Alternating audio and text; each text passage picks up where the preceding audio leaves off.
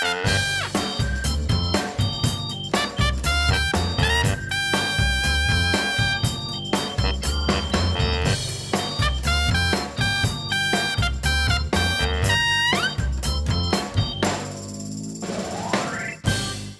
coronavirus heeft de CIP-redactie nog niet getroffen en daarom gewoon weer een podcast. Zo is het. Patrick.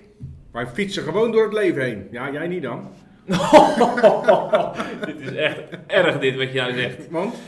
Nou, ik heb een hele avond heb ik eh chagrijn op de bank gezeten. Want Duitsers waren langsgekomen. Nee, mijn fiets is in ieder geval gestolen. Ik weet niet wie het gedaan heeft. Ik vermoed niet dat het een Duitser is geweest. Nee, nee. nee. Die zijn er niet zoveel in de Ik binnenstad. vermoed wel... Nee, nee, nee, laat maar doen. Maar eh, ja, dat is, wie laat er nou ook zijn sleutels in de fiets hangen, hè? Dat kan alleen Jeffrey Schipper zijn. Ja, Ja. dus autosleutel weg, huissleutel weg. Oh, die zaten daar ook nog Die aan zaten er ook nog aan Oeh, vast. Dan lig je natuurlijk nog niet gerust op bed ook. Daar komen ze binnen. Nou, er stond geen adres bij, dus eh, Nee, precies. oké. Maar wel de fiets weg. de fiets is weg. Althans, de fiets van je vrouw ook nog, hè? ja, maak het nog erger, ja. Ja zoals dat is die man. Ik heb haar fiets geleend. Maar goed, dat was genoeg eh jou Ja. belachelijk maken. Ja, gelukkig. Ik ben eh, gered. Want we gaan het natuurlijk hebben over inhoudelijke onderwerpen. Ja. Daar hoort geen fiets bij, maar wel Nee. bijvoorbeeld Forum voor Democratie. Ja, Daar heeft eh, eh, de ChristenUnie heeft zich daarover uitgelaten. En dan met name Gert-Jan Segers, de partijleider, en iemand van het wetenschappelijk instituut. Wouter Bekers. hè? Ja, de directeur van het wetenschappelijk instituut is dat ook, hè? Ja. Niet zomaar iemand. En, Ja. en partijideoloog wordt hij ook genoemd door, eh, door het NSC. Die heeft zich inderdaad opvallend uitgelaten voor iemand van de CU dan. Ehm, ik moet zeggen dat ik Wouter Bekers persoonlijk ook voor- hiervoor al hoor, een, een fijne en vooral onafhankelijke denker vind. Die altijd zegt wat hij vindt, eh, los van belangen. Dat zie je nu dus ook. Ehm, en daar ook wel goed over nadenken. Hè? Die niet zomaar iets roept. Nou, dat deed hij nu ook. Ehm, in een interview met eh, Baudet en in een essay dat hij schreef, ehm, zei hij onder meer dat Baudet wel degelijk rake analyse schrijft. En dat het CU zou moeten kunnen praten of zelfs regeren met zowel Forum als eh, PVV van Geert Wilders. Zo. Eh, nou, dat zijn natuurlijk best opvallende uitspraken voor iemand van CU. Wat we over het algemeen natuurlijk wel gewoon als een linkse partij kunnen zien. Eh, en hij noemt daar verschillende redenen voor. Een belangrijke reden vind ik persoonlijk dat hij het over democratie heeft. Hij zegt, is het nou niet de- ondemocratisch om partijen, zoals Forum voor Democratie, zoals PVV, te negeren, terwijl ze heel veel stemmen krijgen en dus door het volk, nou best populair zijn bij het volk, hè? Eh, Want democratie is natuurlijk macht aan het volk. Eh, ik vind het persoonlijk een hele goede reden. Ik, vind, ik zou het zelfs arrogant willen noemen als je die negeert. Ehm, dus ik denk dat het een hele terechte vraag is. Overigens is hij in, het, in het- in hetzelfde interview ook kritisch op eh, de wijze waarop CU naar migratie kijkt. Hij pleit zelf, en daarmee volgt hij onder meer eh, Hugo de Jong, geloof ik, van het CDA, ehm, voor een quotum van het aantal vluchtelingen. Eh, en hij zegt dat het helemaal geen slecht idee is. Maar goed, laten we ons hier even beperken tot Baudet, want het is stof genoeg, lijkt me. Bekers die stelt onder meer dat we ons niet moeten laten beperken eh, en niet moeten redeneren vanuit een besmettingsgevaar. Hè? Dus hij zegt van, eh, we zien Baudet als een, of sommigen zien Baudet als een racist en dan alles wat hij zegt en alles wat hij doet is dan ineens, is ineens fout. En ik denk dat trouwens naar mijn mening best wel vaak gebeurt. Mensen schrijven Baudet bijvoorbeeld af op de mensen met wie hij omgaat, eh, op de mensen die hij citeert, op de gedachtegangen die hij interessant vindt. En natuurlijk, eh, ik ben de eerste die dat toe zal geven, begeeft Baudet zich soms op glad ijs, op de grens, soms zelfs erover, wat mij betreft dan. Maar daarmee is natuurlijk niet gezegd, en dat doen sommige mensen in de politiek en daarbuiten wel, eh, dat alles wat hij zegt per definitie fout of racistisch is. Hè? Dat is een beetje de boodschap van die bekers ook. Ehm, nou, Segers die ging daar direct vol op het orgel eh, erop in natuurlijk. En die deed precies wat, wat Bekers eigenlijk zei dat niet zo goed is. Die trok direct de racismekaart. Baudet is een racist, eh, die leunt tegen het racisme aan. Ehm ondermijnt de rechtsstaat. Nou, dat zijn allemaal dingen die je de afgelopen maanden, jaren van... ja, ik zou bijna zoals Baudet zelf gaan praten, van de kartelpartijen hoort. Eh, en hij zei onder meer dat samenwerking voor de CU niet realistisch is, maar dat ze in principe niemand uitsloten. Nou, dat, is echt, dat was de, de, de, de meest lege uitspraak van de week wat mij betreft. Het is een beetje hetzelfde als ik zou zeggen, ik heb helemaal niks met GroenLinks. Eh, geen enkel standpunt van hun is de mijne. Ik moet niets van die partij hebben, maar hé, hey, ik sluit niet uit dat ik ooit op stem. Dat is een beetje wat, wat Segers zei. Hè? Eh, dus het is gewoon lege woorden. Hij sluit ze wel degelijk uit. Alleen dat mag hij niet zo hard zeggen, omdat dat een principe is van de ChristenUnie om niemand bijvoorbeeld uit te sluiten, zeg maar. Eh, ik heb er, moet ik zeggen, zo mijn eigen gedachten over. Als eerste, dat weet je natuurlijk dat ik daar eigen gedachten over heb. Uiteraard. Ehm, ik vind als eerste hele makkelijke kritiek van Segers. Het is, ik, ik word een beetje moe van elke keer die racisme roepen. Dus probeer anders eens een keer inhoudelijk op de punten van Baudet in te gaan. Hè? Want die heeft hier wel degelijk heel veel goede inhoudelijke punten, vind ik. Eh, daarbij vind ik ook dat gezonde vaderlandsliefde is niet zoveel mis mee. Dat zei die Wouter Bekers trouwens ook in dat interview. Het was echt, echt wel eh, opvallend voor de, voor de CU-man hoor. Ehm, en vaderlandsliefde is zeker beter dan de zelfhaat van sommige politieke partijen. Die lijken eh, een soort van weg met ons mentaliteit te hanteren. Waarbij alles wat vanuit onze eigen Nederlandse cultuur en geschiedenis komt, maar weg moet. Hè? Ik hoef de voorbeelden natuurlijk niet op te noemen aan jou. Ehm, en daarbij, en dat vind ik het misschien wel het belangrijkste punt, ik vraag me af hoeveel van die mensen, inclusief Segers, nou daadwerkelijk de boeken en de essays hebben gelezen van Thierry Baudet. Want van Wouter Bekers weet ik dat hij dat wel heeft gedaan. Dat zie je trouwens ook in dat interview. Ehm, want hij schrijft wel degelijk, degelijk hele rake dingen hoor, zowel in zijn boeken als in, in de essays die hij geschreven heeft. Bijvoorbeeld eh, het boek Aanval op de Nazistaat, daar staan echt, echt hele zinnige dingen in waar we juist als christenen wel eens heel goed over na zouden mogen denken. Ehm, daarbij heb ik ook eens een keer een, essay van Baudet gelezen. En ik weet even niet meer welke dat nou precies was.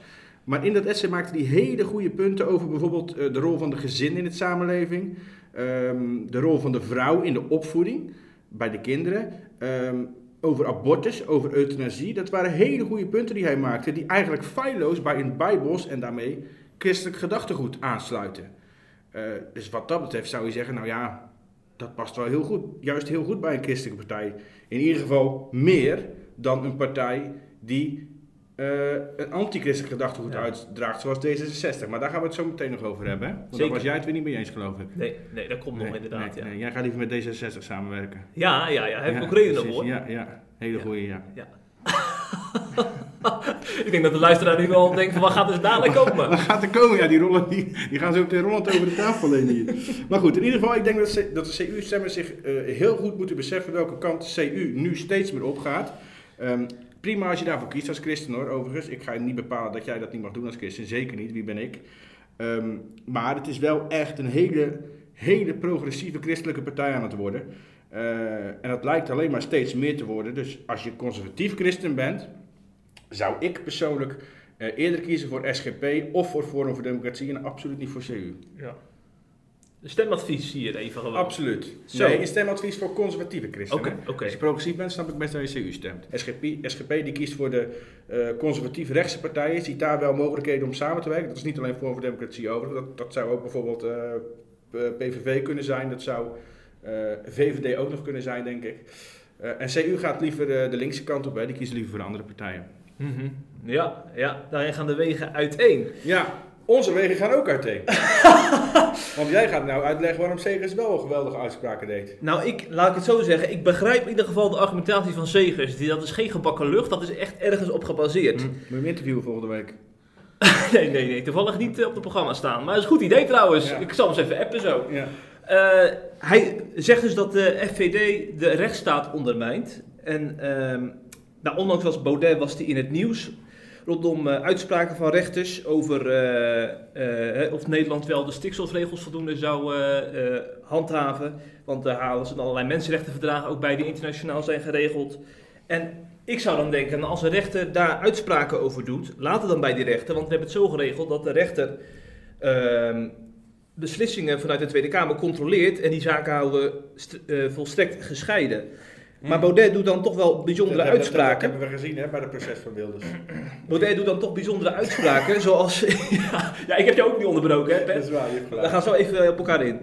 Uh, Baudet doet dan bijzondere uitspraken zoals de rechter moet weten dat hij met vuur speelt. En dan vind je dat vind ik nog een beetje je achterban oppoken.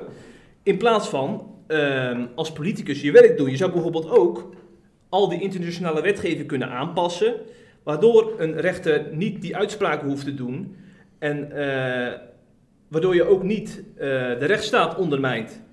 Ik moet daarbij ook nog aantekenen dat uh, in Oost-Europa op dit gebied heel veel zorgelijke ontwikkelingen zijn. En je hebt het waarschijnlijk ook wel gevolgd. In Polen hebben ze een wet aangenomen die de regering stelt om, eh, in- staat stelt om rechters te straffen en te ontslaan. En in Hongarije heeft de regering ook de bevoegdheid gekregen om, eh, om Mm. daaraan te morrelen.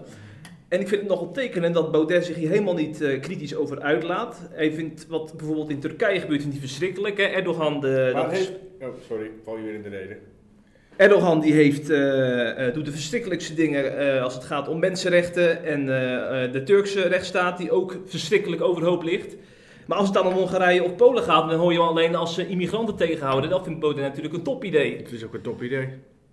En ik denk, als je dan consequent wil zijn, want ik, Baudet is toch zelf ook fan van de rechtsstaat, zo, zou- zo noemt hij zichzelf tenminste. Ja. Dan zou je ook Hongarije en Polen moeten bekritiseren. Ja, ja, maar En doet- die rechtsstaat doet moeten beschermen. dat dan? Waarom, waarom, waarom, waarom moet hij Hongarije en Polen gaan bekritiseren dan? Ehm, omdat je zo die verdachtmaking, die vaak dus in de media wordt eh aangehaald. Ik weet niet dat Baudet ook vaak geframed wordt. Ik vind dat je daar een punt hebt. Maar die verdachtmaking die kun je te, te, te niet doen door je te verzetten tegen dit soort Ja, ondemocratische ontwikkelingen in je eigen continent. Ja, maar hij is toch volksvertegenwoordiger van Nederland? Hij heeft toch helemaal niks met Polen en Hongarije te maken? Ja, maar natuurlijk, je weet hoe dat gaat. Die twittert dan wel eens wat over Erdogan en Turkije. Wat daar Ja, gebeurt, dat vindt hij ja. verschrikkelijk. Ja, maar dat heeft wel direct invloed op ons natuurlijk. Hè? Want hier wonen heel veel Turken.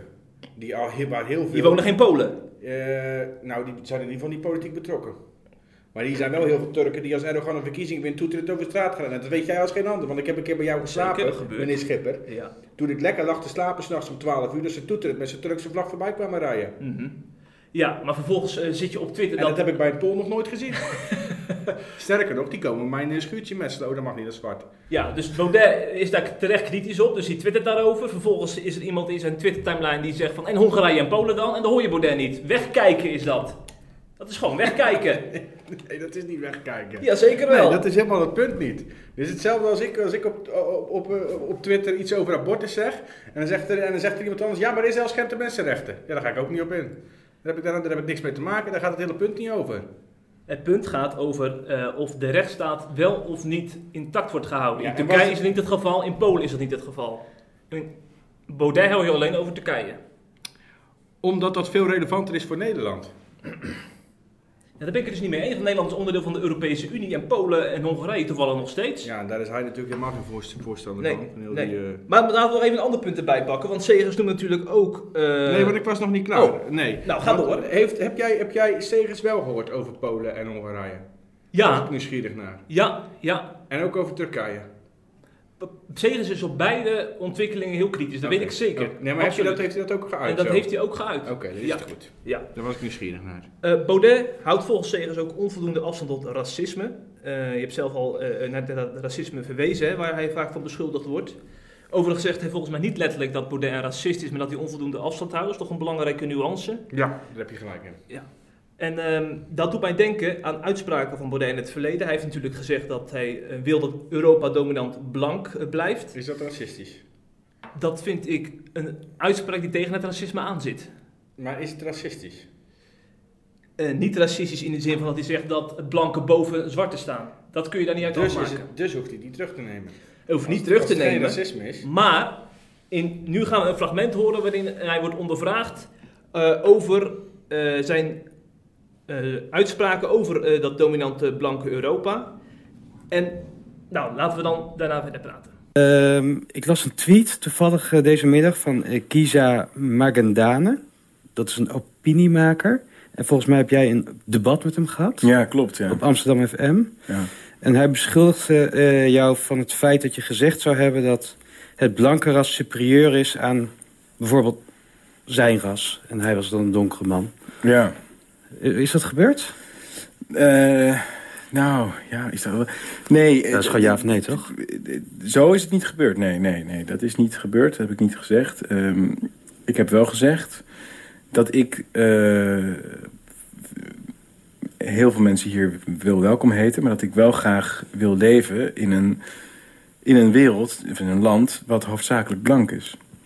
Of dominant blank. Eh, dus een etnisch... Ik wil geen etnische minderheid worden.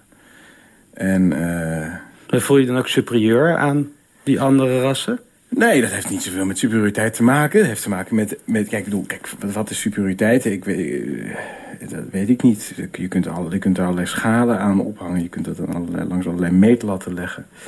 Maar uh, ik denk dat, uh, dat, dat, dat we best mogen zeggen dat we cultureel en etnisch geen minderheid willen worden. En dat is, dat is toch wel iets wat een reële ontwikkeling nu aan het worden is. Met zoveel mensen die hier naartoe komen. Ja. Los van de vraag wat superieur is en niet. Dat, zijn weten, ja, dat weet ik. Dat is natuurlijk een moeilijke vraag. Maar, nou ja, je kan toch wel zeggen of je in het algemeen het blanke ras superieur vindt ten opzichte van andere rassen. Ja, dan hangt het vanaf langs welke meetlat we het leggen.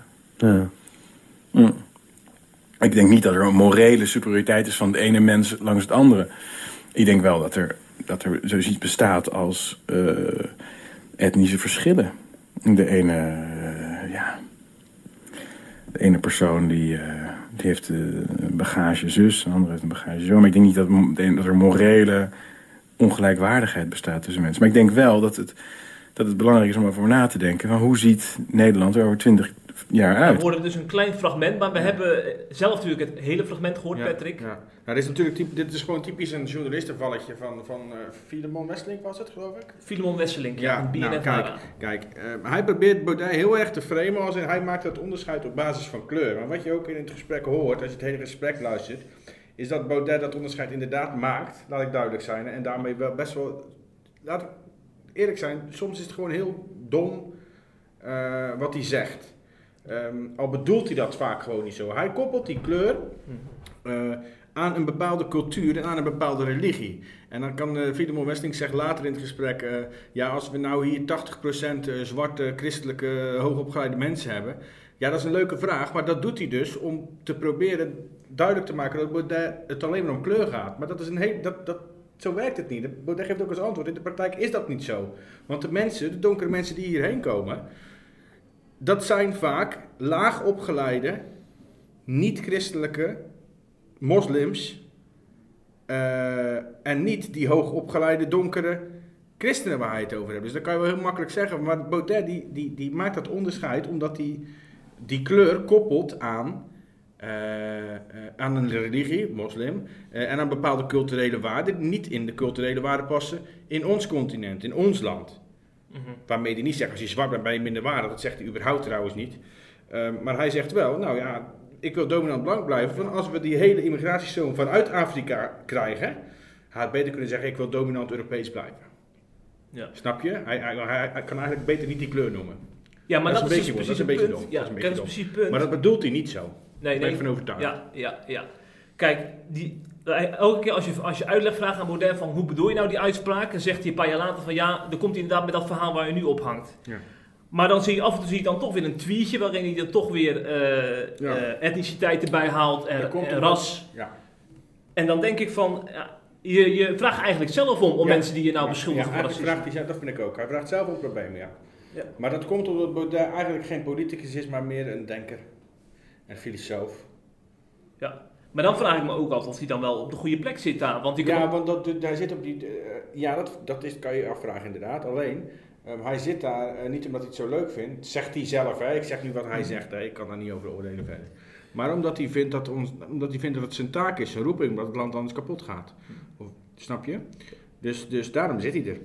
Overigens eh, heeft hij wel degelijk meermaals eh, met duidelijke bewoordingen afstand, want je laat nu dit fragment horen, maar meermaals met duidelijke bewoordingen eh, afstand genomen van racisme hoor. Vorig jaar nog in een interview met Brandpunt heeft hij onder meer gezegd, racisme is onderscheid maken op basis van afkomst en dat willen wij absoluut niet. Wij willen iedereen gelijk behandelen. Mhm. En dat heb ik hem, zulke dergelijke uitspraken heb ik hem ook meermaals horen zeggen, alleen dan komt het niet op Twitter terecht. Nee, Snap je? nee. Dus het is ook wel een beetje framing. Of een beetje, hartstikke. Mhm. Wat wel op Twitter terecht kwam, waren zijn uitspraken over eh, die conducteuren die eh, zijn dierbare vriendin kwamen controleren. En die jij dus eerst zag als Marokkaanse hangjongeren die eh, intimiderend overkwamen. En dan denk ik van, als je dan iedereen gelijk wil behandelen, waarom ga je dan niet eerst dat- factchecken en dat goed onderzoeken voordat je je achterban Ja. oppookt om je de. Marokkaanse Ja. minderheid... eh, Dom, hè? Dom, hè? Heeft hij ook zijn excuses voor aangeboden?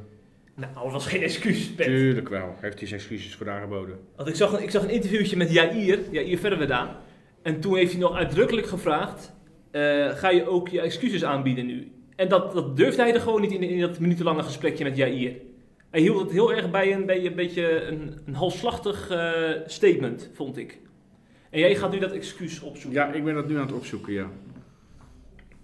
Maar er is een verschil tussen een ruiterlijk je excuses aanbieden en een halfslachtig Facebook bericht waarbij je zegt dat je onhandig hebt opgetreden. En laat het duidelijk zijn.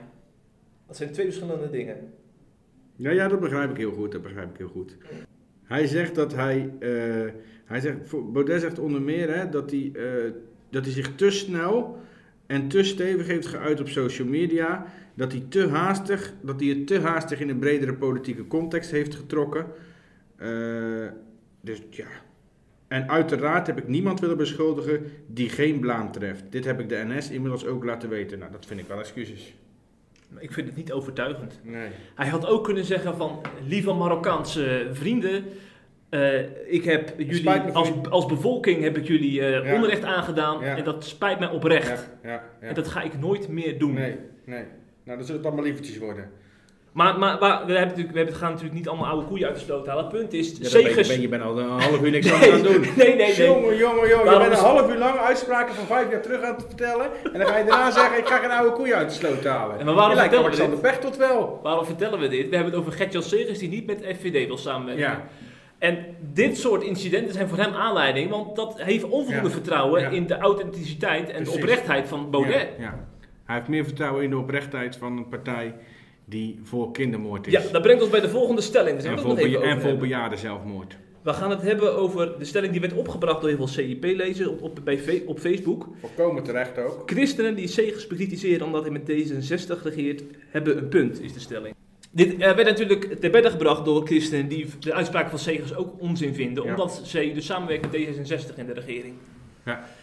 Ik ben het met die christenen die dit ter bedde brengen oneens. Want de ChristenUnie ehm, heeft helemaal geen baat bij een coalitie met FVD. Want dan zou je dus sowieso een rechts, eh, enorme rechtse meerderheid, eh, of een enorme rechtsblok aan de meerderheid helpen. Want FVD gaat natuurlijk met Wat is, PVV, daar, wat is daar mis mee dan? VVD, CDA regeren. En in dit geval is het een meer een middencoalitie met links- en rechtspartijen. En kun je zoveel mogelijk gaan bewegen om je eigen standpunten eh, uiteindelijk eh, te laten overwinnen. Ja.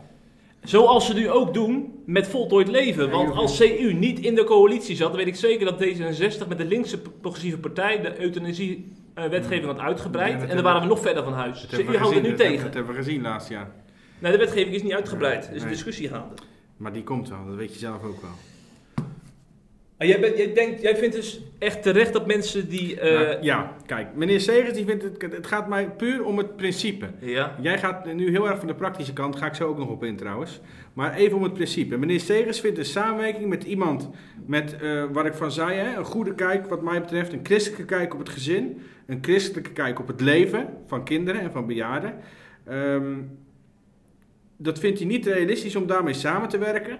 Tegelijkertijd werkt hij wel samen met een partij eh, die er alles aan doet, wat ik net zei, om iedere oudere, of zelfs mensen van alle leeftijden straks, want daar gaat het heen, geloof maar, eh, de gelegenheid te geven om met een simpel spuitje uit het leven te stappen als ze zich even niet lekker voelen. Met een partij die vindt dat kinderen in de moederschoot zonder probleem uit elkaar mogen worden getrokken met een tang. Maar laten we even gewoon zeggen hoe het is, want het zat dus abortus, hè. Ehm, met een partij die vindt dat christelijke scholen niet mogen bestaan. Kortom, gewoon een anti-christelijke partij. Dat is D66. Laten we geen doekjes omwinden. Daar wil meneer Segers wel mee samenwerken. Dat vind ik inderdaad heel raar. En dan, ja, ik sluit me dan liever aan bij Bart-Jan Spruit, die zegt: Ik heb liever cultuurchristendom dan linkschristendom. ja. Ehm, en dan ga ik nog even op jou in. Ehm, want ik- hoor je zeggen: samenwerking met een partij, eh, samenwerking met Forum voor Democratie. Dat is geen meerwaarde voor de CU? Nee, natuurlijk Ik zou niet. niet maar zeggen hoor. Forum voor Democratie staat pal voor de christelijke waarden en normen. Eh Baudet die heeft, wat, zoals ik al uitleg, in een essay geschreven dat hij heel erg twijfelt over zaken als abortus en euthanasie. Dat is uniek voor iemand die niet christen is. Zolang het niet in het partijprogramma staat, hebben die uitspraken geen zin. Forum voor Democratie kiest voor het gezin, kiest voor het christelijk onderwijs, staat wel in het partijprogramma. Eh, en de christelijke waarden en normen, christelijke cultuur staat ook in het partijprogramma. Dus daar heeft CU zeker wel een meerwaarde van. Ze hebben eerder geen meerwaarde aan samenwerken met een anti-christelijke partij, zoals ik net uitleg. Maar even, even, jij hebt dus echt liever dat CU samenwerkt met D66 dan met Forum voor Democratie. Zolang je daarmee tegenhoudt dat D66 een links-progressieve meerderheid kan vormen met bijvoorbeeld PvdA en GroenLinks, heeft dat mijn voorkeur, ja. Dus eh, je werkt samen met de slechte partij om te voorkomen dat ze met een nog slechtere partij je samenwerken. werkt samen met CDA om D66 in het gareel te houden. Ja, dat gebeurt ja, nu in de coalitie. Precies, precies, maar dan kan je dat toch ook met Forum voor Democratie doen? Samenwerken om ze in het gareel te houden? Nee, want eh, ik geloof dat je alleen kan samenwerken met Forum als PVV en allerlei andere rechtse partijen meedoen. VVD, die zit er nu ook bij. En dat heeft voor de CU geen meerwaarde, want schuiven ze veel te veel. CDA staat Forum ook helemaal niet uit. Nee, het punt is dat je, je moet, als je aan een meerderheid wil komen, dan, dan is het niet meer in balans. Dan gaat de ChristenUnie... Kan, Nee, het is nu in balans. kan dan niet meer zijn punt maken. Ja, er zijn nu allemaal middenpartijen die Er is- meedoen. Er is geen fatsoenlijke rechtse partij bij. Nou ja, de VVD noemt zichzelf een rechtse rechts, partij, nee. maar dat vind jij dan weer Nee, niet, nee, nee, nee, dan krijg je dat weer. Nee. Ja. Ik zeg, politiek Den Haag sluiten we bij deze af. Laten we gaan naar een ander onderwerp. Vorige week verscheen in het Reformatorisch Dagblad een interview met dominee Hogeland, predikant van de Griffmeerde gemeente in Rotterdam-IJsselmonde. Mhm. En eh, dat bracht nogal wat teweeg, want dominee Hogeland vindt dat de Griffmeerde gemeente ehm, zonde moet beleiden vanwege ha- haar aandeel in de kerkelijke verdeeldheid die in ons land is ontstaan. En ik vond het nogal een heel erg spraakmakend interview. En ehm, laat ik dat even aan de hand van een paar punten toelichten. Ik vond dat Hogeland op twee manieren de hand reikte aan broeders en zusters in de kerk. Ter rechterzijde aan de gereformeerde gemeente in Nederland. Dat is een kerk die is afgescheiden in 1953 door een kerkscheuring. En eh Hogeland die erkent dat de GGM rondom die kerkscheuring ook zelf fout is geweest. Dat is vrij uniek om dat hardop te zeggen. Want het was een hele pijnlijke breuk eh, waarbij eh, ja, eh, men in de GGM nogal denkt dat het vooral de GGM-net is die ervan de schuld heeft. Maar Hogeland ehm, zoekt dus de nuance en reikt de GGM-net op deze manier de hand. Dat vind ik heel bijzonder. En dat doet hij ook ter linkerzijde. Daar heb je bijvoorbeeld de christelijk gereformeerden. En ehm, daar heb je ook dominee Egas, die in de christelijk gereformeerde kerk actief is. En Dat is jouw hij, favoriet, hè? dat is, ja, dat is een van mijn favoriete dominees. Ja. En eh, hij pleitte een paar jaar geleden voor kansverruil, die EGAS. En die Hogeland die verwijst naar in het interview. Dat stemde mij tot nadenken, zegt hij. Dat vond ik opvallend, want heel veel broeders uit zijn kerk... die gingen gelijk eh, ehm, met die uitspraken van EGAS aan de haal... door te zeggen van ja, maar de tijd is nog niet rijp... en eh, de christelijk gereformeerde kerk er zitten toch ook dominees... die te, te ev- evangelische inslag hebben... dus daar kunnen we niet zomaar eh, de kansels mee, mee delen. Nee, die zou iemand toch geloof komen? Ja, dat, dat zou zomaar kunnen gebeuren, hè? Laten we daarvoor oppassen. dus eh, die trokken vooral de kerkmuren omhoog. En eh Hogeland haalt ze in dit interview omlaag. Dat vind ik echt eigenlijk heel bijzonder dat hij dat aan twee kanten doet. Zowel ter Ja. rechter als ter linkerzijde. En eh, vandaar dat dat interview mij, is, ja, mij raakte. En ik er ook een column over heb geschreven dat ik hem zeer waardeer, deze Hogeland. Jammer dat hij trouwens niet geïnterviewd wil worden door CIP om er nog Ja. eens over door te praten. Ja, jammer, hè? Ja, dat is erg jammer.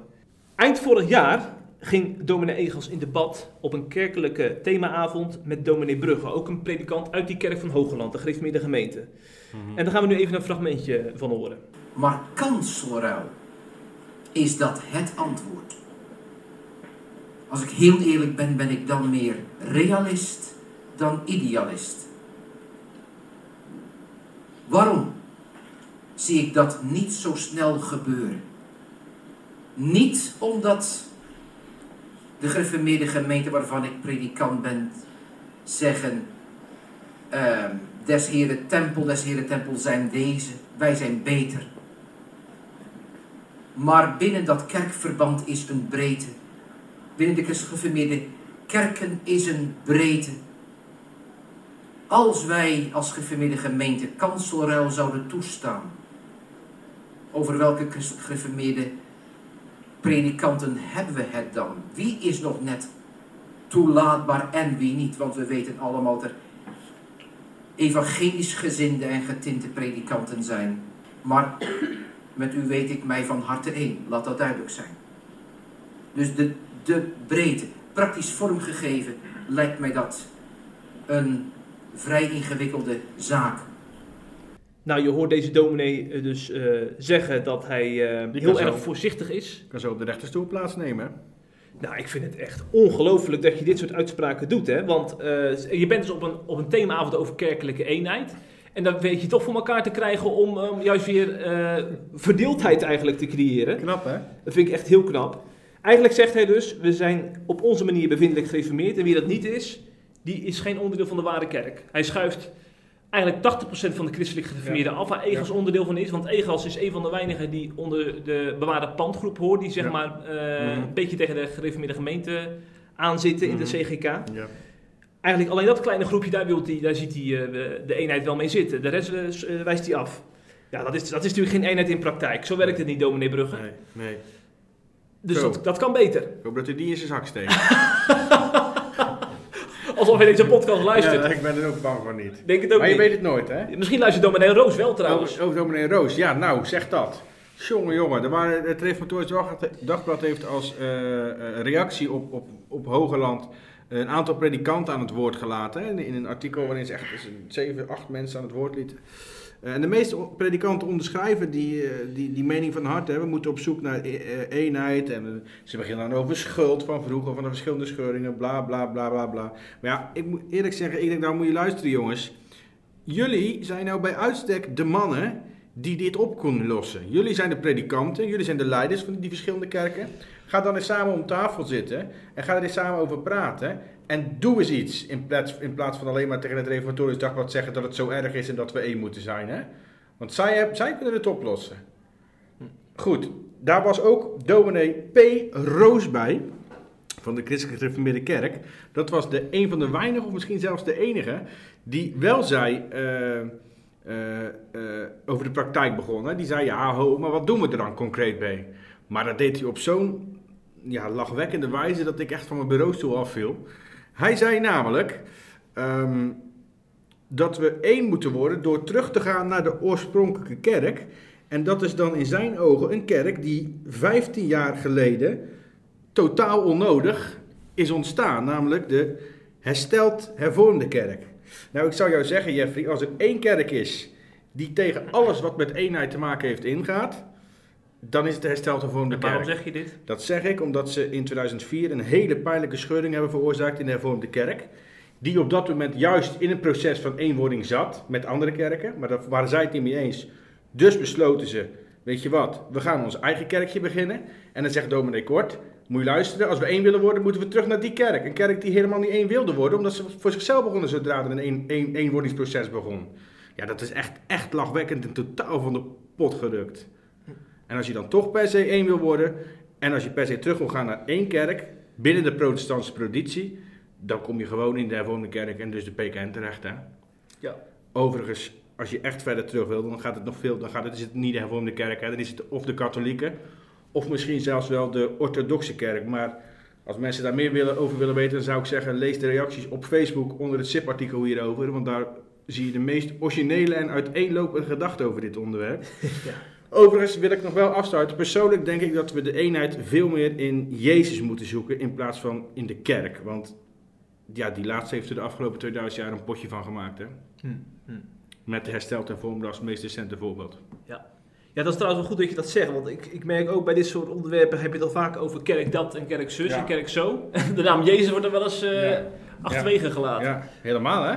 Het kwam, het Ja. onder, kwam- het kwam volgens mij in, eh, in heel de artikelen niet voor. Ja, ja, dat is heel Ja, opvallend. En wij, ik zeg het nu ook toevallig alleen op het laatst. We hebben het ook helemaal niet over gehad. ja, ja. Laten we scherp blijven daarin. Ja, En vooral dominee Roos. Dit punt kwam ook op tafel bij de Generale Synode van de Gereformeerde Gemeente in september vorig jaar. Toen werd duidelijk gemaakt dat zij kansrel niet als juiste middel zien om eenheid gestalte te geven. Wel worden er gesprekken gevoerd op de achtergrond met de Gereformeerde Gemeente in Nederland, de Herstelde Vormde Kerk en de Christelijk Gereformeerde Kerken om te kijken hoe eenheid in de toekomst hand en voeten kan worden gegeven. Institutionele eenheid is niet aan de orde op dit moment. Dat zijn de feitelijkheden vanuit de Gereformeerde Gemeente. Zo is het. Een soort eh, nieuwsbulletin, hè? kunnen we beginnen van de GGM. Gaat ik tegen alles. Ik wil dat ze alle één zijn, zei Jezus. Ja, dat is eh, een van onze grootste wensen, Patrick. Ja, Met ja CIP. schijnbaar niet. Oh, van ons, ja. Het CIP Maar wel. Schijnbaar van de kerken niet. En wij maken natuurlijk ook graag interviews, bijvoorbeeld met Bert Loonstra over eenheid. Hè. Die zei deze week nog dat hij, Ja. dat hij voor eenheid wil strijden. Ja. Ik heb overigens ook nog een heel interessant interview op de rol liggen met eh Dominic Bouter van Hendrik Ido Ambach. Die heeft ook een boek geschreven over eh, De kerk heeft de toekomst. Heet dat boek. En dat gaat ook heel erg over eenwording. En die gaat daar echt heel ver in door. Eh, dus dat is heel interessant om in de gaten te houden, zou ik zeggen. Dat komt binnenkort op SIP. En staat dat dan ook achter de betaalmuur, Patrick? Dat staat uiteraard achter de betaalmuur, want ik heb er heel veel eh, bloed, zweet, tranen eh, en aanslagen op het toetsenbord ingestopt. dus wij moeten ook betaald worden, Jeffrey. Ja. Ik moet wel op skivakantie kunnen volgende week. Ook dat nog, hè? Ja, want ik ben er volgende week niet, hè? Oh, oh, oh, oh, wat gaan we jou dan missen in de Ja, podcast? zal de kwaliteit heel erg achteruit. Ja, dat gaat sowieso. Alsof je de piste afgaat. Zo hard gaat het naar beneden. Dat kan me dus eerlijk gezegd helemaal niet interesseren, want ik ga heerlijk genieten. Patrick. Van, van de pistes, van de après-ski. Heerlijk glühweintje drinken. Mm. Maar Het ik is- aan je denken hoor. Het is je echt van harte gegund, want je bent een harde werker. Dank je. Als je maar weer terugkomt daarna. Ik kom terug, dat beloof ik je. Fijn. Geniet ervan. Ja. En luisteraars, tot de volgende week. Doei!